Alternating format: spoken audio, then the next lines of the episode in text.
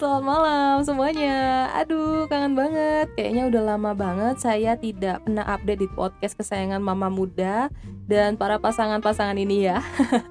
Gak apa-apa, pede aja dikit ya. Uh, Oke, okay, oke. Okay. Demi mempersingkat durasi, langsung saja kita ke topik kali ini ya. Yaitu kita masuk ke segmen relationship talk dan membahas tentang enaknya nikah atau jalani aja dulu ya. Topiknya mungkin agak menyentil sedikit, tapi sadarkah kalian kalau opini ini terjadi di sekitar kita? Saya sendiri punya berbagai cerita dari banyak sahabat saya yang tanya tentang kehidupan saya setelah menikah. Lalu lebih enak pacaran dulu atau enggak? Tapi udah umur segini. Dan banyak lagi pertanyaan yang saya tampung dan bakal saya rangkum dalam topik kali ini. Banyak pasangan di luar sana mungkin yang baru kenal dan udah ngerasa cocok, dari segi keluarga pun ngerasa pas, akhirnya memilih untuk cepat-cepat menikah.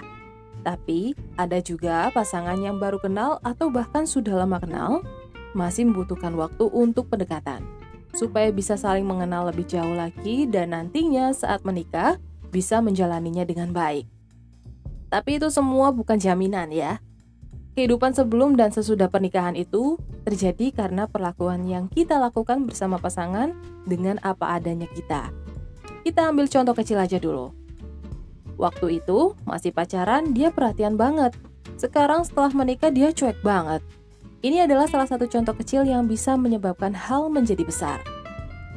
Perlu diingatkan lagi, sebelum kalian menikah, pastikan untuk menjadi diri sendiri dulu Masalah waktu kapan disahkannya itu urusan nanti. Yang perlu disiapkan adalah mental kita.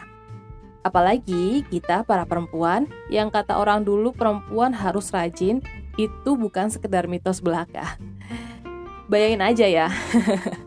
Kalau kita terbiasa malas, nantinya akan terbawa sampai uh, kapan pun kita berada. Dan memantaskan diri sebagai perempuan itu sangat perlu. Selain mental, kita juga harus terbiasa dengan lingkungan yang sangat berbeda dari sebelumnya.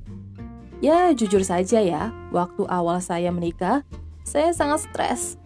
Banyak hal yang tidak bisa saya lakukan. Ditambah lagi saya dalam keadaan hamil, lalu punya anak.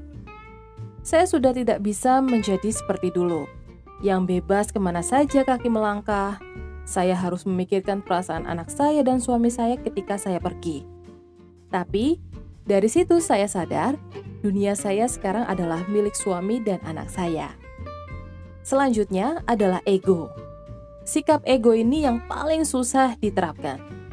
Karena pada dasarnya, kita masih perlu adaptasi lebih banyak dan terkadang sampai tua pun sikap ego ini masih terbawa. Kita sudah tidak bisa mengedepankan ego saat sudah berumah tangga, karena dari ego itulah hal yang tidak kita inginkan akan terjadi, jadi, bagi yang ingin menikah, siapkan ego serendah mungkin.